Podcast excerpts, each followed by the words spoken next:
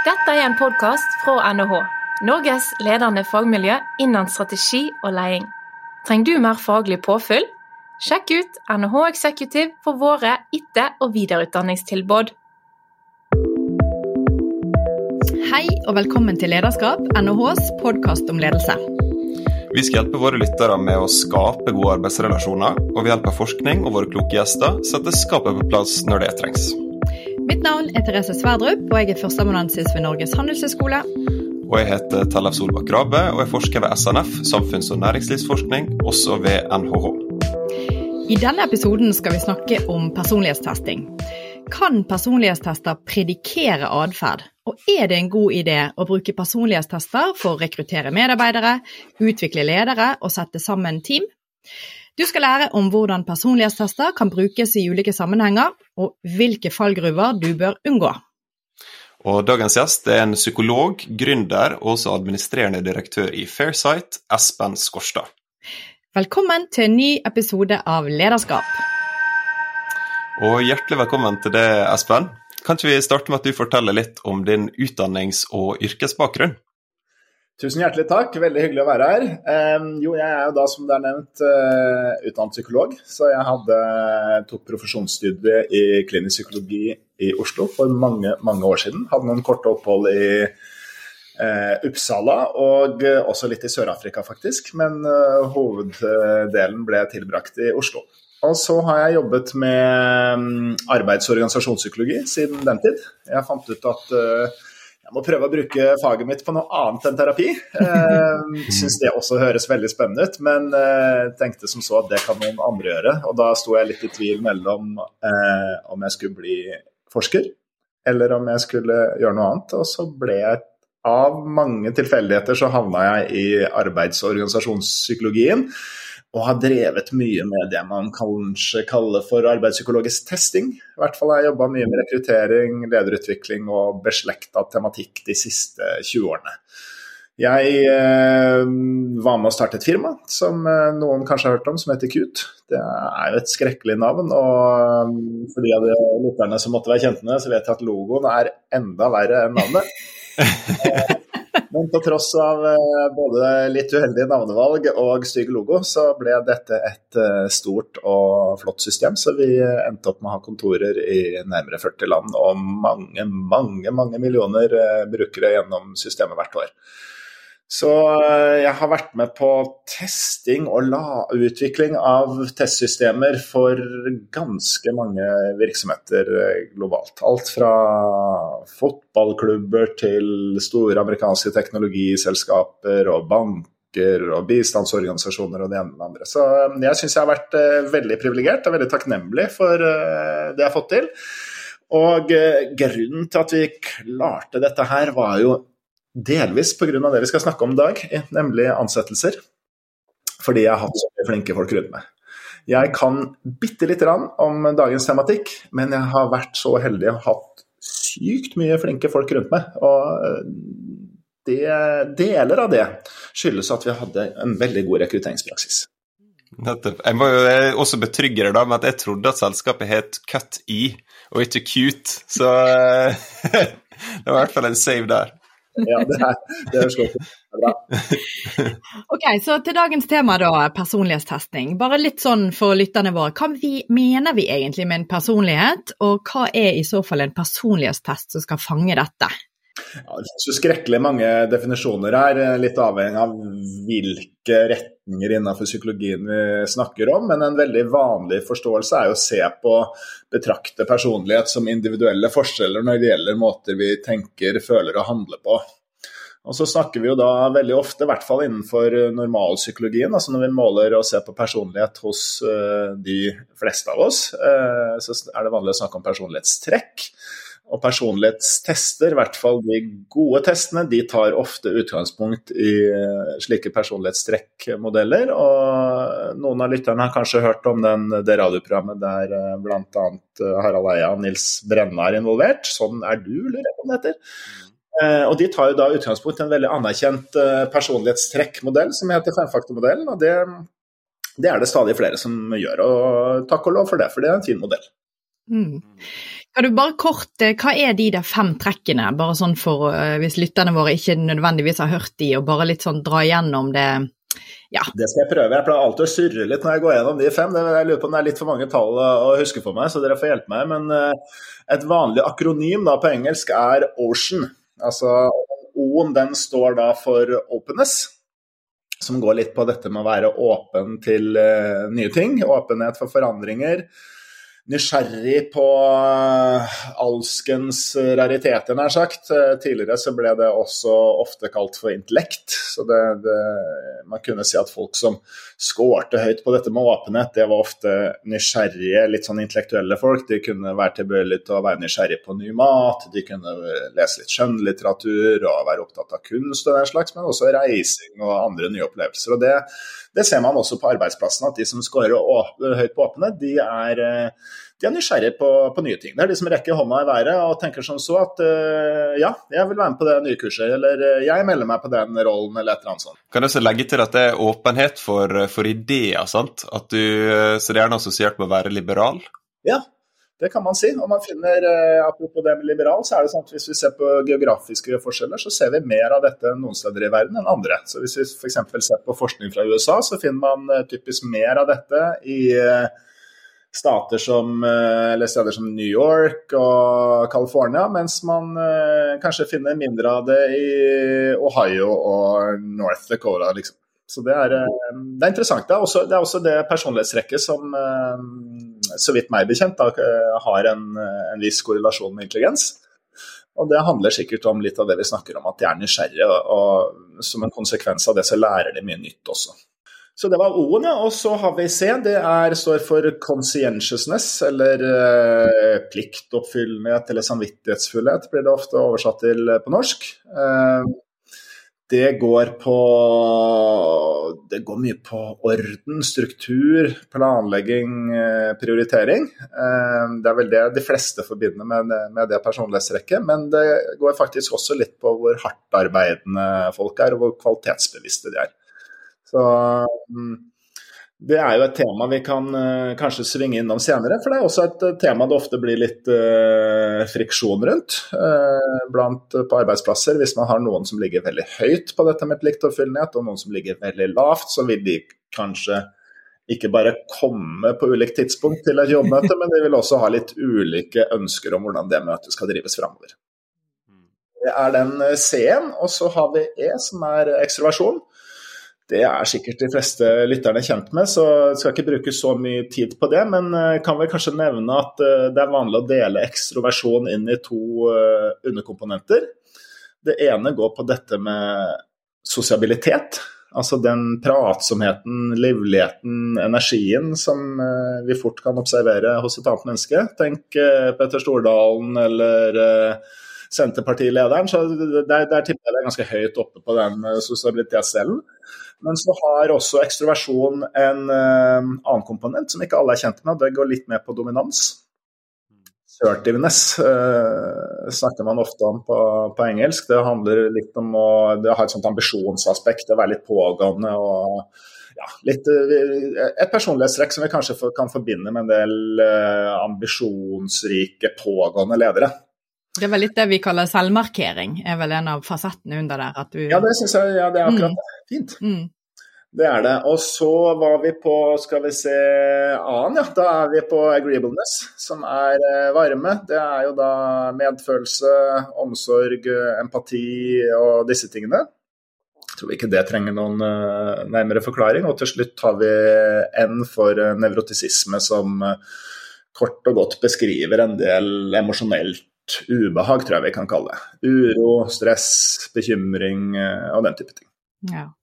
Det var en utrolig fin eh, gjennomgang, syns jeg. Eh, og Ocean som eh, forkortelsen kan jo folk bare legge seg på minnet. Det var en veldig fin forkortelse der. Og da til over til dette med personlighetstest. Da skal jo testen prøve å fange noe av dette. Og, og vi har vært litt innom det i tidligere episoder, og, og det å fange alle fem trekkene osv. Men akkurat i en arbeidskontekst så er det kanskje det med at man spisser det litt på, på hvilke av disse trekkene eller hva man vil fange. Bare litt hva tenker du rundt og erfart rundt det med testing? Altså, testing er jo Bruken av testing har jo økt ganske voldsomt. I hvert fall de årene jeg har vært yrkesaktiv. Og heldigvis har kvaliteten på tester økt også ganske betraktelig. Da jeg begynte med dette feltet, så var det ikke helt uvanlig å bruke psykologiske tester utviklet for terapirommet. Og det gjorde at ledere som søkte seg til jobber eller var på teamutvikling, kunne få veldig mye rart, altså. Eh, en test som, eh, som, er kjent som MPI bl.a., der var det spørsmål, eh, et spørsmål som jeg husker veldig godt. Det var følgende. Pleier du å se ned i toalettskålen etter at du har urinert? Nei! Det er jo kanskje litt mer regna på en psykiatrisk klinikk, hvis det i det hele tatt er det, enn det det er i arbeidslivet. Sånn at du hadde på den ene siden eh, tester som var laget for et helt annet formål, og så hadde du på den andre siden litt sånn lettvinte, lettbente tester som eh, egentlig ikke målte det de skulle. De kunne tilsynelatende se ålreit ut, eh, både for de som tok de. Eh, enkle spørsmål, kanskje fikk man noen sånn fargekoder ut i etterkant, men de målte egentlig ikke det de skulle. Eh, så det, var, det, har vært mye rart, egentlig. Eh, nå er det mange som tar utgangspunkt i den femfaktormodellen som vi, vi, snakket om eh, for litt siden. og så lenge man har en modell til grunn som har et solid vitenskapelig fundament, så, så blir det som lege greit. Og Da finnes det mange ulike måter å, å, spørre om og grave i dette på. Masse ulike former for spørremetodikk og teknologi. Eh, og det er vel kanskje på teknologisiden det skjer mest utvikling nå om dagen. Altså Man kan uh, finne ut av folks personlighet på veldig mange mer avanserte måter i dag enn det man kunne for bare 10-20 år siden. Og psykologien, Jeg skal ikke si at psykologien står fast, for det ville være å, å si, ikke respektere de som forsker og utvikler på dette i hver dag. Men eh, det, det har vel ikke skjedd så voldsomt mange nyvinninger på akkurat dette feltet når vi snakker femfaktormodellen, men akkurat hvordan vi måler det og teknologien rundt det, der skjer det en del eh, innovasjon. Hmm. Spennende. Men, men, det du sier nå er at utgangspunktet for veldig mange tester er denne femfaktormodellen, og den mest kjente eh, av disse er vel kanskje den testen som heter NeoPR, stemmer ikke det? Det stemmer, Så, det er den mest brukte testen. Så hvordan går man fram for å utvikle en eh, egen eller tilpassa personlighetstest. Fordi dette er vel eh, copyright og sånt, og så vidt jeg har skjønt, så er det å få tilgang på en sånn NeoPR-test er ganske dyrt. Så eh, hvordan kan man eh, ta, ta med seg det, det, bra og det som er vitenskapelig ved denne testen, men samtidig utvikle noe som ikke er copyright-beskytta? Ja. Nå må jeg innrømme at jeg sitter ikke med testutvikling selv i min hverdag. Jeg har veldig dyktige kollegaer med mye mer akademisk eh, og forskningsmessig kompetanse enn det jeg selv har, så det blir litt sånn overflatisk svar på det. Men ofte så, tar, vil jo mange ta utgangspunkt i femfaktormodellen, som du nevner. Og så finnes det litt ulike versjoner av den. Eh, det finnes, eh, Man skulle tro at det liksom var bare én femfaktormodell, men det finnes ganske mange ulike avarter av den. Så det neste trinnet er kanskje å bli enige om hvilken modell er det man går for. Og Så lenge man gjør det, så kan man jo som i hvert fall praktiker og innenfor mitt felt lene seg på veldig mye god internasjonal forskning på, på dette området. Og så blir oppgaven veldig ofte å spørre seg hva er det dette skal brukes til. Eh, en EOPR, som, eh, som, du var inne på, er en veldig veldig god og solid test. Det er vel den som har kanskje aller mest solid eh, vitenskapelig støtte. Samtidig vil nok mange hevde at spørsmålene er litt vel generelle, og kanskje ikke så tilpassa arbeidslivet som en del enkelte andre verktøy er. Så, så det kan være én problemstilling, at man ønsker å tilpasse det arbeidslivet. Så da er man kommet enda et trinn videre, og så kan man begynne å spørre seg ja, ja, hva med arbeidslivet, hvordan tenker vi om det, eh, og hvordan ser disse spørsmålene ut. Og I dag finnes det jo mye mer forskning rundt dette med språk, f.eks. Hvordan opplever vi ulike typer, typer spørsmål? Eh, vi snakket nettopp om dette med ekstroversjon. Hvordan skal vi måle ekstroversjon? Så finner man kanskje at jo da, hvis man går litt eh, disse temaene litt under huden, så finner man ut at noen begreper kanskje ja, høres litt bedre ut uh, i noens ører enn andres. Uh, et uh, spørsmål som kan knytte, være knytta til i hvilken grad folk liker konkurranse, det er ikke uvanlig å stille i den sammenheng. Og så ser man litt på hvem er det egentlig som liker konkurranse, og så finner man ganske klare kjønnsforskjeller der. Man finner at menn f.eks. er mer tilbøyelige til å krysse av på dette med konkurranse enn kvinner. Og Hvis man går, fortsetter sånn og ser, studerer språket nøye, så vil man finne ganske store forskjeller på grupper. Og Det vi er veldig opptatt av i Fairsight, det er å sikre at ikke minst arbeidsgrupper som har en tilbøyelighet til å falle utenfor arbeidslivet, eh, også har en mulighet til å svare, og at det ikke er noen form for la oss kalle det forskjellsbehandling da, på tvers av grupper. Og, og, Når man har den innstillingen til femfaktormodellen, da blir det ganske komplekst og veldig veldig spennende. Og masse, masse kule ting som kan gjøres. Jeg syns det var utrolig spennende å høre det du sier at ok, forskningen bak personlighetstesting, femfaktormodell, vi sitter jo sjøl og jeg er jo ikke forsker på personlighet, men vi var liksom lykkelige den dagen vi skjønte at ok, vi kan ha de der fem faktorene og stole på de, men så er det anvendbarheten inn i ulike settinger, og hvordan man måler det som, som gjerne jeg skal ikke kalle deg bare praktiker, Espen, for du har absolutt eh, masse teoretisk å tilføre. Men hvis du skjønner hva jeg mener, og det du sier om at nå er det nye måter å teste dette på, det syns jeg var veldig spennende om du kan utdype det litt. For vi er vant til å høre at det handler bare om selvrapport. Du skal svare på noen spørsmål, og så får det generert opp i en, en slags sånn sumscore. Men er det nå andre måter dere ser at vi kan måle personligheten på enn bare selvrapport på noen spørsmål, eller misforstår jeg da? Det er absolutt ikke. Det finnes mange nye måter å måle på. Eh, den gode, gamle selvrapporteringen, den, eh, det er god grunn til å, til, til å, fortsette med det. Eh, fordi en del ny teknologi er også behefta med en del problemer. Vi kan jo bare ta et kort sveip innom selskapet Cambridge Analytica, som noen har hørt om. Som da klarer å måle personlighet ganske godt med utgangspunkt i digitale fotavtrykk. Og i det tilfellet så viser ganske solid forskning at bare man har tilgang til hvordan folk bruker like-knappen på Facebook, så kan man si ganske mye om et menneskes personlighet. Eh, så Det vil jo være ett eksempel, altså hvordan man samler inn uh, digitale fotavtrykk som folk legger igjen når de beveger seg rundt på, uh, på internett. Det er en måte. Andre ting som det jobbes mye med, er jo å studere språket. La oss si at man har en tekst og gjør en tekstanalyse av uh, at man lar kunstig intelligens uh, saumfare teksten for å trekke ut hva er det, hva slags uh, ord og uttrykk er det som brukes av denne personen. Så vil man også kunne gjøre seg noen antakelser om personlighet. La oss si at det er en person som bruker ord som organisering, kalendere ryddighet osv., da klarer maskinen etter hvert å, å, koble visse uttrykk til eh, enkelte personlighetstrekk, i dette tilfellet da samvittighetsfullhet.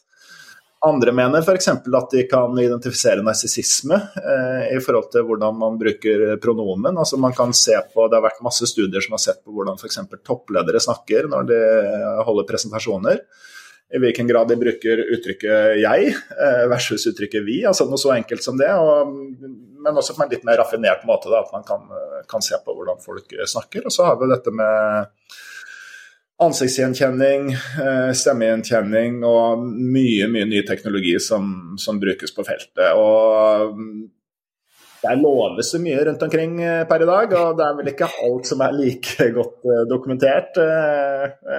Syns nå i hvert fall jeg det ser ut som. Det er ikke så veldig lenge siden jeg ble kontaktet av et israelsk selskap som mente da at de kunne eh, måle, måle eh, femfaktormodellen bare ved hjelp av hvordan, for, hvordan folk snakket på telefonen. Oi. Mm. Der Israel later det til å være en litt egen kompetanse på telefonavlytting. Oi, oi, oi. Det er sikkert mye ja. Men da er vi over på, på nettopp et, eh, et, spennende undertema her nå. Det er jo disse uttaler av tester. For det finnes veldig veldig mange forskjellige tester. Noen av dem er kontroversielle og har blitt møtt med bred kritikk både av psykologer og av eh, rekrutterere. Eh, et eksempel som jeg vil nevne konkret, er denne D-score-modellen. Som, som, flere norske arbeidsplasser har benytta seg av. Som blir kritisert både for at det er ekstremt dårlig etterprøvbarhet, altså at testresultater kan ikke repliseres ved mer anerkjente personlighetstester, og også validitet, at han måler det han faktisk skal måle. Så hvordan ser du på dette markedet, som har etablert en, en personlighetstest sjøl? Altså, er du villig til å rette litt skyts mot ulike aktører? ja, altså Jeg har vel ikke noe problem med det, egentlig. Men eh, jeg er faktisk ganske optimistisk. Jeg, jeg eh, syns ikke det er så mye eh, snåle greier der ute som det var tidligere. Altså. Det, er, det eksempelet du nevner kjenner jeg ikke til, så der, der skal jeg være veldig varsom. Men det er klart det finnes jo enkelte personlighetstester som, er, som egentlig mangler god dokumentasjon. Og stikkordet her er vel god, tror jeg. Fordi at uh, alle tester og testleverandører har som regel en ganske omfattende dokumentasjon eh, kobla til seg, men det å lese den dokumentasjonen og forstå den dokumentasjonen, det er skrekkelig vanskelig. Den kompetansen er det ikke så mange som har. Så det gjør jo at hvis man potensielt sett har et uh, testverktøy som ikke er bra, så er det ikke så lett å finne ut av det for folk flest. Eh, og det som er veldig interessant, det er jo at hvis vi tester noen med et dårlig verktøy Hvis man tar en dårlig personlighetstest og lar folk gjennomføre en sånn test, hvis man lar 100 personer gjennomføre en sånn test, så vil de fleste kjenne seg igjen. Ja, det gjør det. Folk kan tilbøyelig til å kjenne seg igjen. Altså, det er studier hvor man har blandet personers eh, testresultater og delt ut resultatene helt vilkårlig. Og det viser seg faktisk at eh, jo da, folk eh, Dette kjenner jeg meg igjen i, sier Hvis jeg bare kan ta en anekdote. Dette har jeg gjort på studentene mine. Eh, dette heter Barnum-effekten, for de som vil ha et navn på det. Der tok jeg MBTI på de, og så ga jeg helt vilkårlig. Og så sa jeg 'rekk opp hånden de som syns at dette passet'. 80 rekte opp hånden. Og så sa jeg Lurte dere? og vi fikk en utrolig god diskusjon. Fordi at igjen, da var vi dette mennesket sant, som du ønsker å lese det gode inn i ting, og akkurat MBTI-en kan være litt sånn at det er noen hyggelige ting som står der om deg. Jeg har lyst til å være strukturert, og jeg er ikke jeg det litt. Altså, sånne ting. da. Så nei, utrolig fint. Og det er jo det som du sier, hvordan skal du da vite om kvaliteten når folk sier at ja, vi kjenner oss igjen. Så ja, Mm, vi skal, ikke, vi skal, ikke, gå helt inn på den nye trenden nå, men det er jo en enorm vekst i populariteten til horoskop, faktisk. Som du ser på, Instagram og TikTok. Det er en sånn eh, trend, og jeg leser om flere damer spesielt da, som liksom oppgir horoskopet sitt i Tinder-biografien sin. og det er kanskje det er en sånn nyspiritualisme som er knytta til dette her også. ja, men Dette er jo spennende. De fleste er jo opptatt av eh, Folk liksom vil forstå seg selv og vil forstå andre. og eh, Du nevnte dette med MBTI-en, mm, Therese. og eh, Noen av lytterne har kanskje sett mennesker på en flyplass eller andre steder som har sånne pins. og Der står det fire bokstaver. Oi. Og de bokstavene de skal da orientere de eh, personene man møter, eh, kjente som ukjente, om at sånn er min personlighet. Og eh, mm. er jo, altså, det, det, er jo et sånt interessant tema å snakke om. fordi at uh, de fleste som forsker på dette med personlighets- og personlighetstesting, vil nok si at MBTI nei, det er vel kanskje ikke det verktøyet de vil anbefale.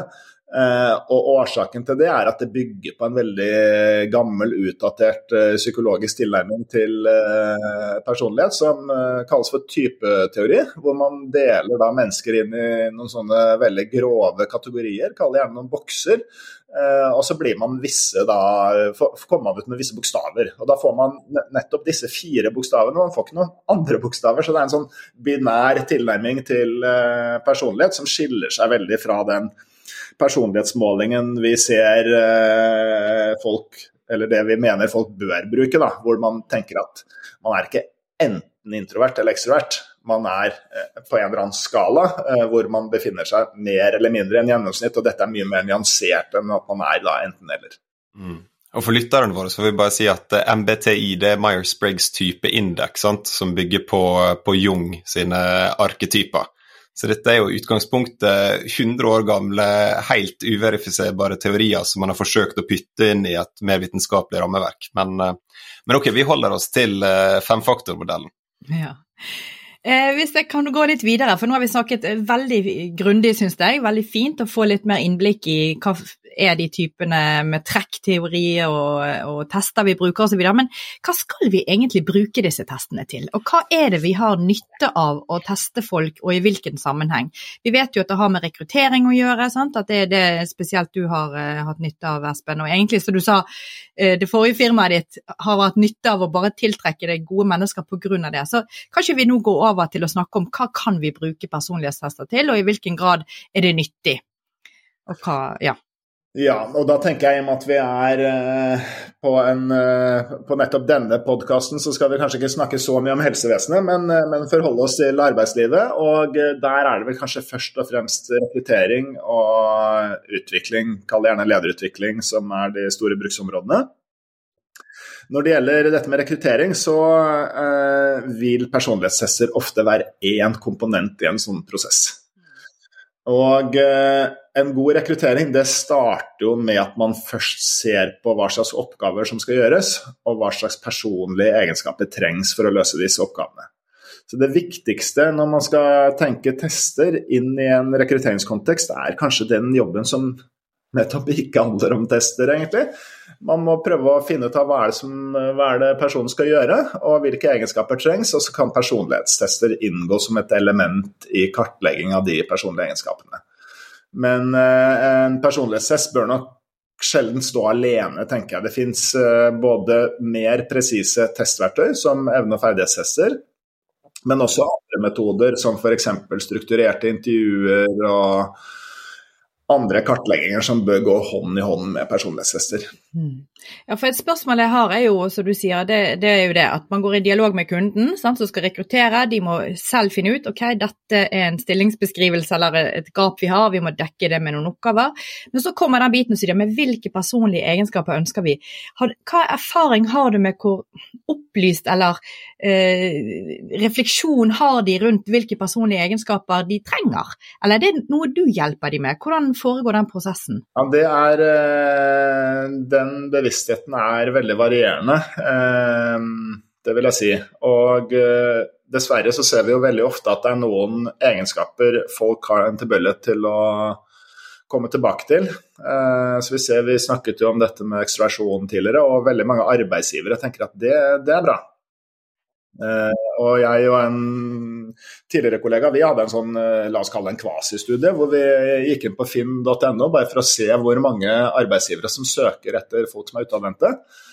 Og da fant vi drøyt 1500 stillingsannonser. Uh, og det var jo for alskens stillinger. Det var ja, programmerere, eh, regnskapsførere, lagermedarbeidere. Eh, en ting som fascinerte oss veldig, var jo det at eh, et lakseselskap eh, som drev og skulle frakte, frakte eh, laks fra Norge til ut i verden, nær sagt, altså de ønsket seg ekstroverte sjåfører. Og så kan man spørre seg hvorfor i all verden skal, de, skal man være så utadvendt når man skal sitte, sitte, alene i en lastebil uh, veldig lenge. Så det, så det, er en sånn, en, på en måte en trend da, uh, at man stadig vekk vender tilbake til disse fleksible, utadvendte, dynamiske individene. Mens det man kanskje egentlig kunne trengt uh, for noen av de stillingene vi snakket om, var en litt annen personlighet. Så mm. det å ha en dialog rundt hva er det vi egentlig trenger, det er viktig. Og noen organisasjoner har også begynt å bygge seg opp litt data på hva slags egenskaper som faktisk fører til at folk gjør en god jobb, og da blir det litt lettere og litt mer konkret. Mm. Men dette er kjempespennende at du sier at også stillingsannonsene kan ha en sånn tendens til å favorisere ekstroverte. Men vi, vi hadde jo i forrige episode en introvert toppleder som gjest.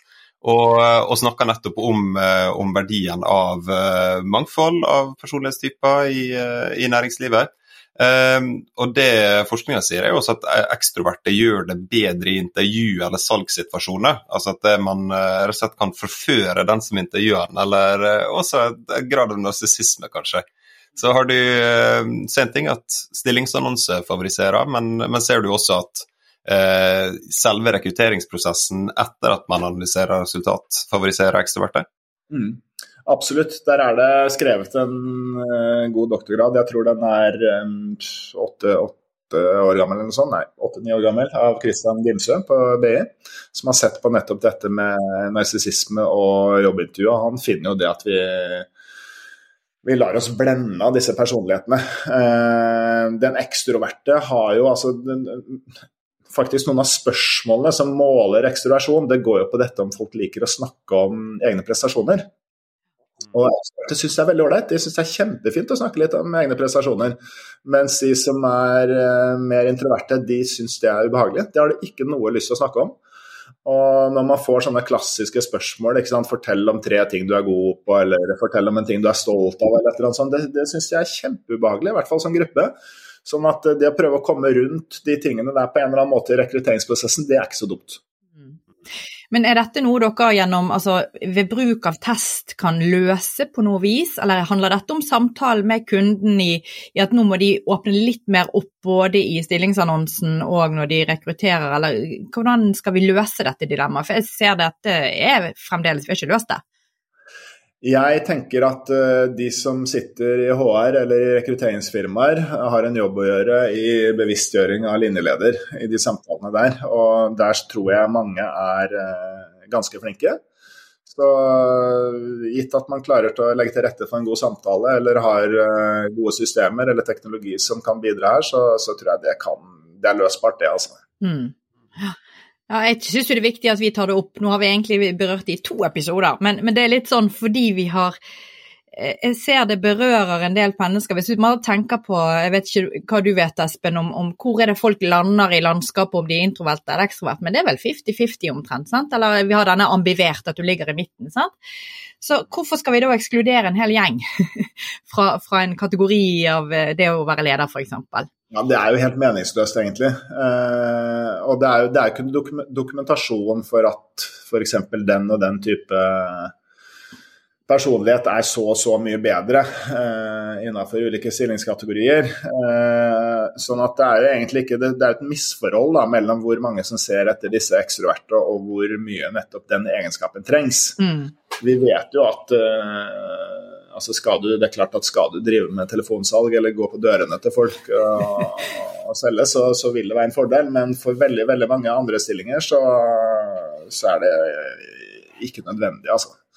Mm. Eh, det eneste det her, det her, finnes jo masse, masse, masse forskning eh, rundt. og ikke liksom alt som, alt som peker i samme retning, men eh, så vidt jeg vet, så er det vel kanskje et annet personlighetstrekk som kanskje later til å være mer viktig på tvers av ulike jobber, og det er det som går på samvittighetsfullhet. Mm. Mm. Og det handler om at uh, disse menneskene kommer når de skal.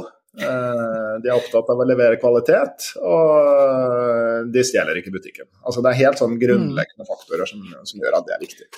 Interessant. Ja, Det er vel det trekket som er, kanskje kan oversettes også til planmessighet, som er, i høyest grad er korrelert med både prestasjoner i studiet, og, altså i studentsammenheng og i jobb. Eh, så det kan jo tegne seg et visst bilde av at noen personlighetstrekk er mer ønskverdig enn andre. Altså F.eks. hvis man scorer ekstremt høyt på nevrotisisme, så kan det kanskje tegne et bilde av noen som er veldig utrygg og usikker, og som kanskje kan ha utfordringer med teamarbeid. Eh, eller noen som scorer ekstremt lavt på planmessighet, kan også kanskje ha noen utfordringer. Så hvordan kan sånne testresultat brukes uten å diskriminere? For det er jo ikke lov til å diskriminere i norsk arbeidsliv, ikke sant? Man står fritt i å rekruttere, men hva er potensiell fallgruve her nå? Utover bare at man f.eks. Eh, favoriserer ekstroverte over introverte kan man ende opp med å ekskludere folk basert på mental helse, f.eks.? Nei, det tror jeg faktisk ikke. Uh, og jeg har vel litt lyst til å arrestere deg rundt det med nevrotisisme også, for jeg tror faktisk ikke det at det å være Om man har litt nevrotisisme, jeg tror egentlig ikke det trenger være et voldsomt problem i samarbeid med andre. Uh, jeg har vel en grunnleggende innstilling om at, vi, at det er positive og negative aspekter ved all personlighet, egentlig. Hvis mm. man tar, bare holder tak i dette med nevrotisisme f.eks. La oss si at du har en person da, som har litt mer bekymring og litt mer uro i gruppa enn andre, så kan jo det være en kjempestyrke. Da vil mm. den personen potensielt sett kanskje være i stand til å identifisere problemer rundt neste korsvei eller et eller annet sånt. Så jeg tror at uh, her, er, mm. her, er, det virkelig mye spennende og bra å hente ut egentlig av alle, så godt som alle personlighetstyper, da, med mindre man har liksom bare sadisme eller ja. Ja. Jeg er selvfølgelig helt enig med det når det gjelder denne graden av litt. ikke sant? Altså det, Nevrotisisme har en veldig klar eh, evolusjonær funksjon også. Det har vært en fordel at det har vært noen i gruppa som har vært litt mer stressa og bekymra for uh, uh, store dyr eller sånt. Men, uh, men, hvis du snakker om mer ekstreme verdier, så, så kan det kanskje oppstå problemer. Men, men, det jeg har lurt på, Espen, er jo også dette med nevrotisisme, sånn som jeg har skjønt det fra femfaktormodellen. Man tester ikke så ofte nevrotisismeelementer i rekrutteringssammenheng, sant? Eller? Jeg tror, jeg tror, ikke det er noe som legger sånn voldsom vekt på. Altså. Jeg tror egentlig ikke. Nei, Vi har jo alle våre angster, for å si det sånn. Alle våre angster. Ja, det må være rom for. Et, eh, et av Norges ledende advokatfirmaer nå, kjempeflinke advokater, og de har et eget uttrykk som de kaller advokatangst. Ja. Er det bra å ha advokatangst? ja, det, sånn jeg har forstått det, så er det det. Altså, her er det, det er særlig de som er i retten, da, og hvor det er snakk, snakk, om veldig store beløp og store, store saker. Så uh, hender det at de kan ligge og uroe seg litt, og ja. det høres ikke så dumt ut, det. Nei. Men ok, så dette med Vi vet at vi kan teste, eh, vi kan bruke det til rekruttering, men i hvilken grad kan vi predikere menneskelig atferd basert ja. på en test? Det er et uh, godt spørsmål uh, som det finnes mange ulike svar på. Og det jeg tror er viktig å ta med seg der, det er at man kan predikere litt. Mm. Det betyr at man kan ikke predikere alt. Og man kan ikke predikere null, holdt jeg på å si. Det, liksom, uh, det her er litt viktig å understreke, fordi at jeg merker når jeg underviser eller snakker om dette temaet til andre, så er det ofte sånn at lytterne tenker enten mm. det her har ikke sånn særlig verdi, eller så tenker de at fy søren, det her er bra. Bare vi har dette verktøyet, så løser alt seg. Mm. Og sannheten er liksom midt imellom. Man kan predikere litt av hvordan en person opptrer, men langt fra alt. Mm. Nettopp. Men, eh, men, hvordan vil du si at du i ditt arbeid nå, eh, i skjæringspunktet mellom psykologi og teknologi, eh, altså hva type forhåpninger ser du i stordataanalyse og sånne type ting? Vil du fortelle litt om de teknologiske aspektene her? Ja, det gjør jeg gjerne. Kan du kanskje prøve å sette meg litt mer på sporet av hva du er ute etter, så skal jeg prøve å svare så presist. Ja, Når det gjelder prediksjon, da, eksempel, hvordan kan man eh, analysere eh, resultater fra personlighetstester eh, på kanskje mer aggregert nivå? Hva forhåpninger ser du i, eh, i stordataanalyse? Kan vi begynne med først? Altså jeg, jeg, tenker jo at det aller beste da, som, som i hvert fall vil være relevant for de av lytterne som er i store organisasjoner, det er å prøve å identifisere hvilke egenskaper kan vi forbinde med F.eks. Eh, ja, altså det å gjøre en god jobb. For da, hvis man kan samle inn store mengder data om hva som trengs for å løse en god jobb, da kan man også bruke den informasjonen når man ser etter fremtidige medarbeidere. Så eh, Hvis vi tar et eksempel fra, som en eh, kollega av meg i Fairsight, Lasse Hønsen, har jobbet med tidligere. Han så på eh, veldig, veldig, veldig mange selgere i en stor norsk virksomhet. Og så klarte de der å identifisere hvilken personlighet, hvilke type evner osv. som kjennetegner de som selger bra i butikken, de som er ålreite å jobbe sammen med, og ikke minst de som blir værende i butikken. Når man har klart å samle inn masse data på det, da kan man bruke den informasjonen og lage noen algoritmer som brukes i fremtidige ansettelser. Og da er det ikke sånn at dette vil liksom det vil ikke skje mirakler her. Men det de fant, var at når uh, disse varehusene begynte å selektere fremtidige medarbeidere med utgangspunkt i de, algoritm i de algoritmene, så fant man at de selgerne, fremtidige selgerne solgte, etter hva jeg kan huske, 18% mer enn de andre selgerne, som ikke ble ansatt med bruk av samme metodikk å spørre seg er 18% bra, eller er det, er det, kjempebra? Er det litt bra, er det ikke så bra? Så det, det, og det må jo det, brukerne av det her uh, få lov til å definere. Men jeg, etter hva jeg kan huske, så mener jeg at det tilsvarte en omsetning på hvert fall over 100 millioner i året. En omsetningsøkning for, for nettopp dette, denne virksomheten. Og da begynner vi å snakke ganske store verdier. Mm. Så det å bruke litt tid på å samle inn store datamengder her, det er nyttig. Det er veldig kult å høre, men da er vi over på også hvor lett er det å game eller å jukse på en personlighetstest? Eh, for vi har jo dette fenomenet som heter social desirability bias, eller sosial ønskverdighet, bias, har ikke bedre begrep enn det. Eh, og um, hvis du søker på en jobb som selger, så har du kanskje noen antagelser om hva arbeidsgiveren din vil ha. Eh, så hvor lett er det å jukse for resultatet? Altså for, for, for, å svare veldig kort, så er det mulig. Alle personlighetstester kan man jukse på. Uh, alle som lager personlighetstester, har sine måter å prøve å omgå det på. Men det, i praksis så, så går ikke det. Folk kan jukse, men når det er sagt, den juksinga den kommer som regel, kommer som regel fram. da. Sånn, har du juksa, så, så, vil den som sitter med testresultatet i etterkant, vite at du har juksa. Så er, Der har vi et, eh, der har vi et, et, ørlite problem. Det som jeg syns kanskje er mer interessant her, er jo hvis vi holder oss til en sånn person da, som har søkt på en sånn salgsjobb, det er jo det at det er jo ikke alltid man finner at de tingene man tror man trenger for en jobb, er det arbeidsgiver ser etter. oss nå si at man, den som søker på denne jobben, tenker at her gjelder det å være litt utadvendt og livlig. Så jeg svarer, eh, liksom prøver å ampe opp de svarene litt på akkurat de spørsmålene der. Men så kan det jo tenkes da at alle de som søker på disse jobbene, er ekstroverte. Og det er kanskje ikke det personlighetstrekket som viser at uh, de presterer bedre uh, i jobben enn de andre, fordi nettopp alle er sånn. Og Derfor vil det kanskje være andre ting, andre aspekter, som skiller de gode fra de gjennomsnittlige.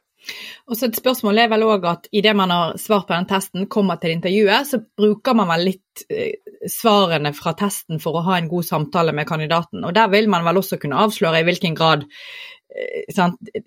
Hvordan snakker de rundt det at de har svart noe som kanskje har vært ekstremt, da? Eller? Klarer de også å game det?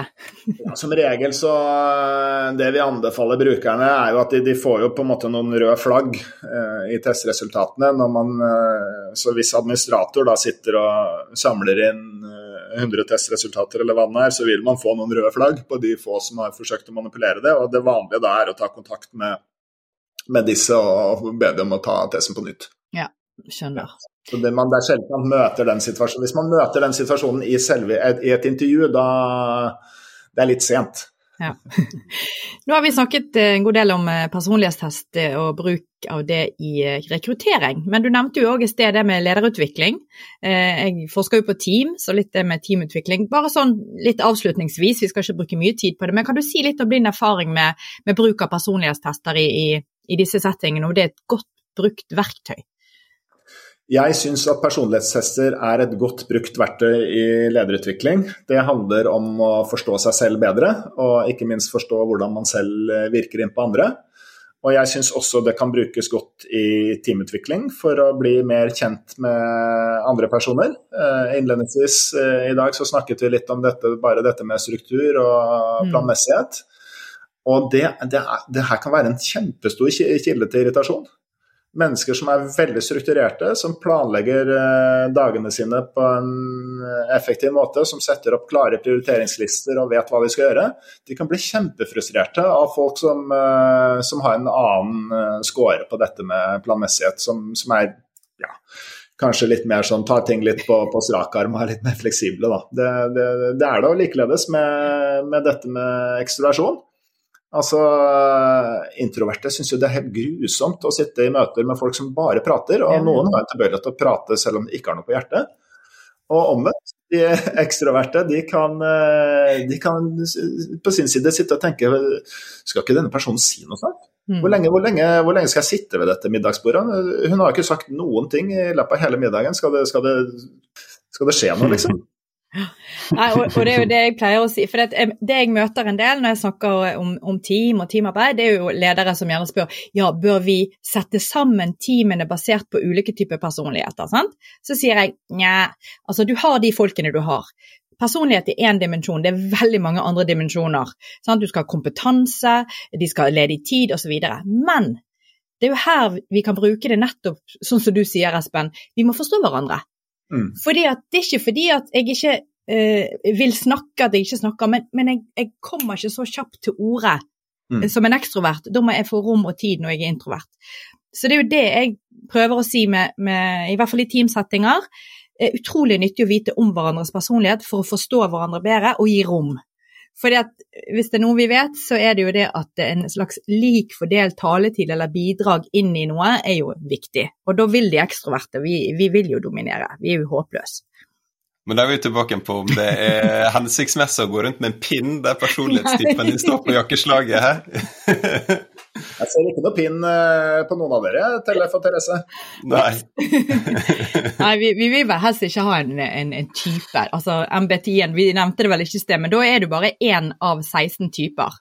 Og med 7 mm. milliarder mennesker, herlighet, ikke det mer mangfold enn det. ja. Absolutt. Men du, jeg vil uh, si dette har vært en superspennende samtale. Uh, veldig gøy å uh, bli kjent med, med, det og dine erfaringer her nå. Men vi må avslutte med det faste innslaget. Har du noen gode tips? Og da lurer jeg på om du har tre tips til ledere om bruk av personlighetstester? Så du har det, du. Tre spørsmål, tre tips om god bruk. nei, men for det første så må man ha en god test. Uh, og det har vært et villnis av ulike tester, så ta sjekk med Det Norske Veritas. De har en oversikt over de gode testene som er å få kjøpt. Så det kan være, uh, det kan være første trinn. Det andre trinnet er vel å sikre at den som bruker disse testene, vet hva de holder på med. Så pass på at du selv eller den du jobber med, har gjort leksa si, nær sagt. Enten har en formell utdannelse eller tatt de kursene som trengs. Og eh, det siste rådet Nei, men det måtte vel kanskje vært til de som eventuelt skal søke jobb eller fylle ut noen personlighetstester. At jeg tenker at uh, det her er på ingen måte så spooky som mange, mange tenker. Så uh, svar ærlig og vær åpen og direkte i utfyllingen og se fram til en god samtale med en dyktig rådgiver, tenker jeg. Du, Glimrende. Tusen hjertelig takk, Espen. Tusen takk skal du ha. Takk for at jeg fikk komme. Du har nå hørt på Lederskap, NHHs podkast om ledelse. Mitt navn er Therese Sverdrup. Og jeg heter Tellef Rabbe. Kom gjerne med tilbakemeldinger eller innspill til tema. Du finner kontaktinformasjonen vår på NHO sin hjemmeside, eller så kan du skrive til oss direkte på Twitter og LinkedIn. Og om du likte det du hørte, så blir vi veldig glad for om du vil abonnere eller dele episoden med dine kollegaer. Vi høres!